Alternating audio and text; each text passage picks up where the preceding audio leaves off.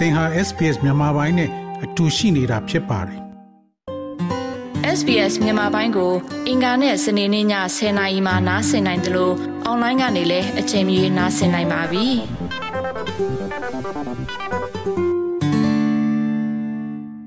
ပြီးခဲ့တဲ့နှစ်ဒီလိုအချိန်မှာ Happy New Year လို့ဆုမတောင်းနိုင်ခဲ့ကြတဲ့မြန်မာပြည်သူတွေအတွက်အခုတစ်နှစ်တာဟာလည်းထပ်မံကုန်ဆုံးခဲ့ရပြန်ပါပြီ။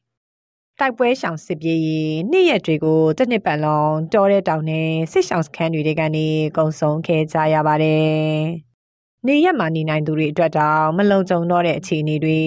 အသက်အန္တရာယ်စိုးရိမ်ထိတ်လန့်စရာတွေကိုနေ့စဉ်ရင်ဆိုင်နေကြရတာပါ။စစ်အာဏာရှင်စနစ်အောက်မှာပြည်သူတွေရဲ့အသက်အိုးအိမ်စီစဉ်တဲ့လူသားရင်းမြစ်တွေဟာလည်းတနစ်တာအတွင်းများစွာဆုံးရှုံးခဲ့ရပါတယ်။ အပြစ်မဲ့ပြည်သူတွေအစုလိုက်ပြုံလိုက်တပ်ဖြတ်ခံရတာလေကြောင်းတိုက်ခိုက်မှုတွေကြောင့်ဒေသခံတွေအပြင်းထန်ခံစားခဲ့ရတဲ့နှစ်တစ်နှစ်လည်းဖြစ်ခဲ့ပါတယ်။ဒါဟာအာနာရှင်ဆန့်ကျင်တဲ့ပြည်သူတရလုံးအပေါ်စစ်ကောင်စီဘက်ကထွက်ပေါက်ပိတ်တဲ့သဘောဆောင်တယ်လို့မြန်မာအရေးလေလာသုံးသပ်သူဒေါက်တာလှကျော်စောကအခုလိုပြောပါတယ်။စစ်တပ်ရဲ့ပုံပြမှုကကြာလီဆိုးလေကြာလီဆိုးလေဖြစ်လာတော့အဲ့တော့သူတို့ကဒါကိုဘာနဲ့ကာကာမလဲဆိုတော့ ရက်စက်ကြမ်းကြုတ်မှုနဲ့ကာမှာပဲအဲပြည်သူလူထုဘက်ကလည်းဒီတခါတော့အလျှော့ပေးလို့မရတော့ဘူးဒီတခါတော့ပြက်ပြက်သားသားတိုက်မှာဖြစ်တော့မယ်ဆိုပြီးတော့အကုန်လုံးအဲဆဲနေဒီကောင်ငင်းအောင်မကြံအကုန်ဖြစ်လာကြတာနောက်တစ်ခုကပြည်သူလူထုမှာပေမထူးနေမထူးစိတ်ဖြစ်သွားတာလေတော်လှန်ရေးတရားမှာအဲ့ဒီကတိတ်အရေးကြီးတယ် လူတယောက်ကပေမထူးနေမထူးရှိမှာပဲ သူက တော်လှန်ရေးကို အပြတ်တတ်တိုက်တာမျက်မှောက်ဆုံးမတိုက်ဘူး ကို့မှာ နောက်လမ်းလေးအဲချောင်းမလမ်းကလေးရှိနေကျန်းပါအောင်လေစစ်ကောင်စီက အဲ့လိုလည်း ပေးမထားတော့ဘူး။နဝတ၊နအဖ ခေတ်တုန်းကလည်း အပစ်အခတ်ရပ်စဲရေးနဲ့ စီးပွားရေးလုပ်ငန်းတွေအကုန်လုံးဆွဲပေးလို့ရတယ်။ လူတွေကို ထွက်ပေါက်ကလေးတွေ ပေးလို့ရတယ်။ဒီစစ်ကောင်စီခေတ်မှာတော့ အကုန်လုံးရန်ငါပြတ်သွားတာပေါ့။ပြည်သူလူထုအတွက်ကလည်း ဒီလက်နက်ကိုင်လမ်းစဉ်ကအခြားမရှိဘူး။စစ်ကောင်စီဘက်ကလည်း ရက်ရက်စက်စက် ရက်စက်စွာဖိနှိပ်မှုကတခြားမရှိဘူး အာနာသိန်းစာကနေ အခုချိန်ထိ စစ်ကောင်စီက ပြည်သူလူထုကိုပြစ်မှတ်ထားတဲ့ လေကြောင်းတိုက်ခိုက်မှု အကြိမ်ရေ240ကျောင်းလူပေါင်း200ကျော် သေစေခဲ့ပါတယ်။ အဲ့ဒီတိုက်ခိုက်မှုတွေဟာ2022ခုနှစ်အတွင်းမှာပုံမိုဆိုးရွားခဲ့တာပါ။နိုင်ငံရေးအကျဉ်းသားများကူညီစောင့်ရှောက်ရေးအသင်း AAPP စီးရင်တွေအရအာနာသိန်းစာကနေအခုထိပြည်သူ2600ကျော်သေဆုံးခဲ့ပြီးအခုနှစ်အတွင်းမှာတော့1200ကျော်သေဆုံးခဲ့ပါတယ်။ကြအပြင်ဖန်ဆီးခံရသူအရေအတွက်မှာလည်း16000ကျော်ရှိခဲ့ပြီးအခုနှစ်အတွင်းဖန်ဆီးခံရသူ3900ကျော်ရှိခဲ့ပါတယ်။ စစ်ကောင်စီဟာနိုင်ငံရေးတက်ကြွလှုပ်ရှားသူတွေကိုပုံမှန်အမျိုးမျိုးတက်ဖမ်းဆီးမှုတွေအပြင်တည်တံချမှတ်မှုတွေကိုအခုနှစ်အတွင်းမှာပုံမလှုပ်ဆောင်ခဲ့ပါတယ်။လက်ရှိချိန်ထိစစ်ကောင်စီရဲ့တည်တံချမှတ်ခံရသူပေါင်း140နီးပါးရှိနေပြီးအဲ့ဒီထဲမှာ88မျိုးဆက်ចောင်းသားကောင်းဆောင်ကိုချင်းမီ NLD လွှတ်တော်ကိုယ်စားလှယ်ကိုဖြိုးစီရတော့ကိုလှမျိုးအောင်နဲ့ကိုအောင်သူရဇော်တို့ကိုဥပဒေမဲ့ကြိုးပေးစီရင်ခဲ့တာကပြည်သူအလုံးကျွဲအခုနှစ်အတွင်းယူကျုံမရဖြစ်ခဲ့ရတဲ့ဖြစ်စဉ်တစ်ခုပါတစ်ဖက်မှာတော့ခိုးဆိုးလူနိုင်မှုတွေအပါအဝင်တခြားရာဇဝတ်မှုနဲ့နှိရှေထောင်ချခံရတဲ့ရာဇဝတ်သားတွေကိုစစ်ကောင်စီကလူငင်းချမ်းသာပေးခဲ့တာဟာလည်းပြည်သူတွေရဲ့လုံခြုံရေးအတွက်ထိုးနှက်ချက်တစ်ခုဖြစ်ခဲ့ပါတယ်။ မြို့ပြအကြမ်းဖက်မှုတွေကိုပုံမကြုံတွေ့ခဲ့ကြရပြီးပြန်လည်တိုင်တန်းမှုနေရာမရှိတာအရေးယူမှုတွေမဲ့နေတဲ့ခြားမှာတရားဥပဒေစိုးမိုးမှုဟာလည်းအာဏာသိမ်းပထမနှစ်ချက်ပုံမဆိုးရွားခဲ့ပါတယ်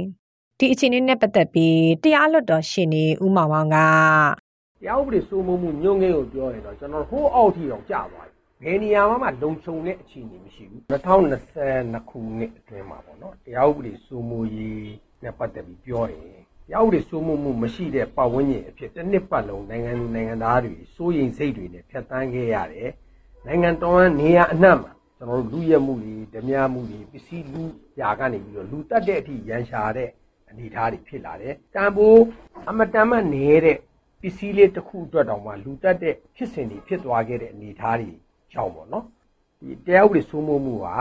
နိုင်ငံအဝန်းမှာပြပြားနေတဲ့အနေအထားရှိပါတယ် ပြည်သူတွေအတွက်ကကျွန်တော်တို့လုံခြုံစိတ်ချတဲ့ဝင်းမြင့်ကိုတရားဥပဒေစိုးမိုးရေးကိုအဓိကတာဝန်ယူတဲ့ရဲတပ်ဖွဲ့ကနေပြီးတော့ဆောင်ရွက်နိုင်တာမရှိဘူးပေါ့နော်ဒီတရားမဲ့ဖမ်းဆီးရေးလုပ်ငန်းတွေထဲမှာ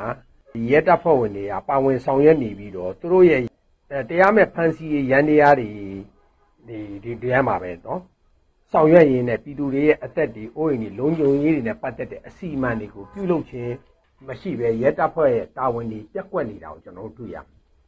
နိုင်ငံတနိုင်ငံရဲ့အဓိကထောက်တိုင်ဖြစ်တဲ့စီးပွားရေးဟာလည်းအခုနှစ်အတွင်းပုံမနှိမ့်ချခဲ့တယ်လို့ဆိုနိုင်ကြောင်းစီးပွားရေးပညာရှင်တွေကသုံးသပ်ကြပါတယ်။ဒါကြောင့်နှစ်ဝက်ထုတ်ပြန်နေကြဖြစ်တဲ့ကမ္ဘာစီးပွားရေးအလားအလာခံမှန်းမှုထုတ်ပြန်ချက်မှာမြန်မာစီးပွားရေးကိုမခံမှန်းနိုင်တော့လို့ခြံလက်ထားခဲ့ပါတယ်။အခုနှစ်တွင်းမှာပဲမြန်မာကျပ်ငွေတန်ဖိုးဟာစံချိန်တင်ကျဆင်းခဲ့ပြီးအမေရိကန်ဒေါ်လာကို ပြင်ပပေါက်စီကျပ်3000အထိရှိခဲ့တာပါ ပြည်ရင်းအလောက်ကင်ရှားပါမှုလှုပ်အားနဲ့လစားမညီမျှမှုတွေကိုပြည်သူတွေခံစားခဲ့ရပြီးပြည်ပထွက်အလုပ်လုပ်ကင်မှုဟာလည်းဒီနှစ်အတွင်းတည်တည်သားသားကျိုးလာပါတယ်။ဒါအပြင်စစ်ကောင်စီရဲ့ကုန်းလန်းရေလန်းပိတ်ဆို့မှုတွေကုန်စည်စည်းစိမ်မှုလမ်းကြောင်းဖြတ်တောက်ခံရမှုတွေကြောင့်နေ့စဉ်စားကုန်ကအစားလူသုံးကုန်တွေအထိဈေးတက်ခဲ့ပြီးပစ္စည်းရှားပါပြက်လက်မှုတန်ကိုပါပြည်သူတွေရင်ဆိုင်ခဲ့ရပါတယ်။ ဒီအကျိုးဆက်တွေကလာမယ့်2023ကာလအထိရိုက်ခတ်နိုင်ပြီးပိုကျက်တဲလာနိုင်တယ်လို့ပြောလာသူကစီးပွားရေးပညာရှင်ဦးစောဖေဝင်းပါဒီလူလူလူအများစုရဲ့အခြေအနေကျက်တဲလာတာကပြနေပါတယ်။ကုန်စည်နှုန်းတွေကခုထိလည်းပဲတက်နေသေးပဲပေါ့နော်။နောက်လည်းပဲဒီတဲ့ပို့ပြီးတော့ကျအောင်မဲ့အလားအလာရှိတယ်။မြန်မာနိုင်ငံရဲ့ဒီလူကြီးဟာလည်းပဲ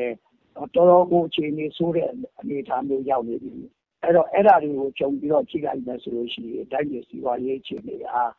ပြီးခဲ့တဲ့တစ်နှစ်နှစ်နှစ်အတွင်းမှာပိုပြီးတော့ဆိုးရွားလာတယ်လို့ပဲအဲ့လိုပဲသုံးသပ်နိုင်ပါတယ်။တိုင်းပြည်စီးပွားရေးကအချဘက်ကိုပဲရှေ့ရှုနေတာပဲပေါ့။အဲ့ဒါကြောင့်မလို့စီးပွားရေးအခြေအနေဟာတိုးတက်ကောင်းတယ်လို့မျှော်လင့်လို့မရသေးတဲ့အခြေအနေမှာရှိတယ်။အဲ့တော့အဲ့ဒါတွေအားလုံးကိုခြုံလိုက်မယ်ဆိုလို့ရှိရင်စီးပွားရေးဆိုတာကနိုင်ငံရေးရဲ့အစိတ်ပိုင်းပါဖြစ်တယ် အဲဒါကြောင့်မို့နိုင်ငံရေးအရာအများလက်ခံနိုင်တဲ့အဖြေတခုကိုရအောင်မရှာနိုင်ကြဘူးဆိုလို့ရှိရင်တော့စီးပွားရေးအခြေအနေဟာနောက်ပိုင်းမှာလည်းပဲပိုပြီးတော့ကောင်းတဲ့အခြေအနေမရှိဘူး။လောလောဆယ်လည်းပဲအခြေအနေဆိုးနေတယ်လို့ပဲအဲ့လိုပဲသုံးသပ်ပါတယ်။ဒီလိုချက်တမ်းမှုတွေကြားကနေပဲစစ်အာဏာရှင်စနစ်ဆိုအောင်ကလေးတွေရဲ့ပညာရေးမရတတ်အောင်မိဘတွေရောဆရာတွေပါစူးစမ်းခဲ့ကြပါတယ်။ စစ်ဖြစ်နေတဲ့ဒေသနဲ့စစ်ရှောင်းစခန်းတွေမှာယာယီစာတင်ကျောင်းတွေဖွင့်လှစ်တင်ကြားတာတွေကို CDN ပညာရေးဝန်ထမ်းတွေကဥဆောင်ခဲ့ကြပါတယ်။တစ်ချိန်တည်းမှာပဲကျောင်းတွေပါမချမ်းစစ်ကောင်စီရဲ့လေကြောင်းပုံကျဲတိုက်ခိုက်မှုတွေကြောင့်လုံခြုံမှုမရှိတော့တဲ့စာတင်ခန်းတွေဟာကလေးတွေရဲ့ပညာရေးအတွက်ချိန်ချောက်မှုတစ်ခုလိုဖြစ်လာတာပါ။ဒီလိုအခြေအနေတွေကြောင့်မြေပြင်ကျောင်းတွေထဲအွန်လိုင်းစာသင်ကျောင်းတွေဟာပညာရေးအတွက်ကွက်လက်ဖြစ်တစ်ခုဖြစ်ခဲ့ပါတယ် အခုတစ်နှစ်ကြာအတွင်း အွန်လိုင်းပညာသင်ကြားပေါင်း 60 အထိ ဖွင့်လှစ်နိုင်ခဲ့တယ်လို့လည်း သိရပါတယ်။ကလေးတိုင်းသင်ကြားနိုင်မှုမှာတော့ internet line အခက်အခဲ data ဈေးနှုန်းကြီးမြင့်မှုတွေကြောင့် အလှမ်းဝေးနေရသူတွေလည်း ရှိနေပါသေးတယ်။ဒါပေမဲ့ အခက်အခဲတွေကြားမှာပဲတစ်ဖက်တစ်လမ်းက သင်ကြားခွင့်ရတဲ့ online ပညာသင်စနစ်ရဲ့ အကျိုးသက်ရောက်မှုဟာ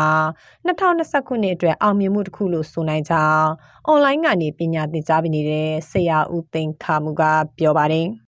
စတင်ကြားချင်းဆိုတဲ့အပိုင်းမှာဒီအာနာသိမ့်မှုမဖြစ်ခင်ကကျွန်တော်တို့စတင်အစာအုပ်ရှိရမယ်စတင်ဆိုစာအုပ်နဲ့လွယ်အိတ်နဲ့သွားတဲ့ခစ်ကိုကျွန်တော်တို့အဲအဲ့ခစ်ကိုကြော်လွန်ပြီးတော့ကျွန်တော်တို့ကဒါကဒီလိုခစ်ကာလာနဲ့လိုက်ရောညီထွေတဲ့ဒါနိပညာအဲနောက်ကိုလိုက်ပြီးတော့မှဒါသင်ကြားရေးအတွက်တမျိုးပုံစံတစ်ခုပြောင်းလိုက်တာဗောလေဘာလို့လဲဆိုတော့ကျွန်တော်ပညာရေးဆိုတဲ့အပိုင်းကပညာရေးဆိုတာတကယ်တမ်းတော့အဟောင်းတွေကိုဖြိုချပြီးကျွန်တော်အစ်စ်တွေကိုပြန်လဲတိဆောက်ရတာကိုဒီပုံမှန်စစ်ကြပညာရေးမှာသင်နေတဲ့ အဲစာရိုက်ထက်အဲကျွန်တော်တို့ဒါအနာဂတ်ဖရယ်နိုင်ငံမှာသွားမဲ့အဲဖရယ်နဲ့ပတ်သက်တဲ့စံသတ်မှတ်ချက်တွေဒါဖရယ်ရဲ့အခြေခံ unit တွေပေါ့ပြီးရင်ကျွန်တော်လူခွင့်ရေးတင်နန်းလိုဟာမျိုးတွေမိပညာတင်နန်းလိုဟာမျိုးတွေဒါကလေးတွေအတွက်ဒါအများကြီးအကျိုးကျေးဇူးဖြစ်တယ်ပေါ့လေနိုင်ငံတနိုင်ငံမှာပြည်သူတွေအတွက်အခြေခံလိုအပ်ချက်ဖြစ်တဲ့ကျန်းမာရေးကဏ္ဍမှာတော့စစ်ဖြစ်ဒေသတွေမှာဒါမကမြို့ပြတွေမှာပါစောင့်ရှောက်မှုဖြည့်ဆည်းနိုင်ဖို့လိုအပ်ချက်တွေရှိခဲ့ပါတယ်။ စေဝါမလုံလောက်မှုတွေနဲ့ကျန်းမာရေးအတွက်အရေးကြီးဆုံးဖြစ်တဲ့ကာကွယ်ဆေးထိုးလုပ်ငန်းစဉ်တွေမလုပ်နိုင်တာဟာအဓိကကွက်လက်တွေဖြစ်နေတာပါကြော်လန်ရေးပြင်းထန်ခဲ့တဲ့ချင်းပြည်နယ်၊ကရင်ပြည်နယ်၊စကိုင်းတိုင်းဘက်တွေမှာစစ်ကောင်စီရဲ့လမ်းကြောင်းပိတ်ဆို့မှုကြောင့်စေဝါမပြည့်စုံမှုတန်ကိုစစ်ရှောင်းတွေအပြင်းထန်ခံစားခဲ့ရပါတယ်။ စစ်ပွဲတွေရဲ့နောက်ဆက်တွဲကြောင့် ထိခိုက်ခဲ့ရတဲ့ မိုင်းထီမန်ဒေသခံတွေ ရဲဘော်တွေ လက်နက်ကြီးလက်နက်ငယ် ထိခိုက်ခံရသူတွေအပြင် ငှက်ဖျားယောဂတဲ့တွေနဲ့ မွေးဖွားကန်ဒီကိုဝင်တဲ့တွေအတွက်ပါ2022ခုနှစ်ထဲမှာ ကျန်းမာရေးစောင့်ရှောက်မှုတွေ ကင်းမဲ့ခဲ့တာပါ စစ်အာဏာသိမ်းဂါဇာကစပြီးဒီနှစ်ကုန်ထိကြုံတွေ့နေရဆဲဖြစ်တဲ့စစ်ရှောင်းစခန်းတွေကကျန်းမာရေးအခြေအနေနဲ့ပတ်သက်ပြီးကြောက်ကြနန်းဝင်းကဒီသူတို့ရဲ့ကျန်းမာရေးဆောင်ရွက်မှုလုံးကျုံသွားပြီးကျင်တယ်ပြီးကျင်တော့လည်းပဲအဲမေးကြီးပိုင်းဆိုင်ရာမှာကျွန်တော်တို့ဒီကျန်းမာရေးဝန်ထမ်းတွေမတက်နိုင်ဘူးကျွန်တော်တို့လိုအပ်တဲ့ဒါကျန်းမာဆက်တွေနောက်အတော့ဆောင်ဆက်တွေအစကြီးတဲ့အဲဆက်တွေလည်းနောက်ကတွေးစစ်ရမှာပေါ့နော်အဲလူနာတယောက်ရောက်လာရင်တော့ကျွန်တော်တို့တွေးစစ်ချင်တယ်အဲဒါတော့ဘယ်လိုတွေးတွေလဲ ပါရမှာရှိတယ်လေနော်တွေးထဲမှာဒီ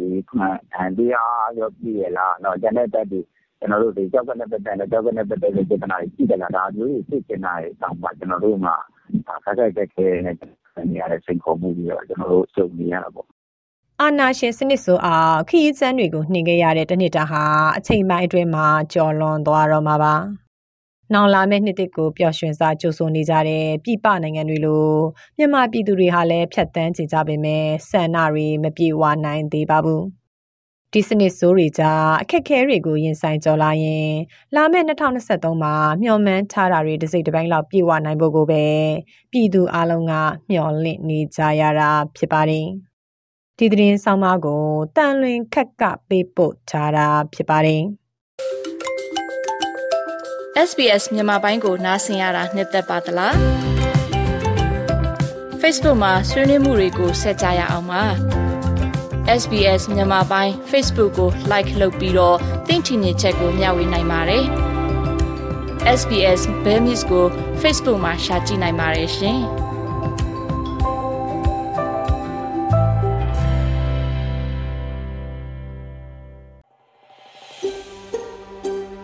ဒါမျိုးသတင်းဆောင်မာတွေကိုပိုနားဆင်လိုပါလား Apple Podcast Google Podcast Spotify တို့မှာသင်ပင်ရာဖြစ်ဖြစ်ရယူတဲ့ podcast ကနေပါ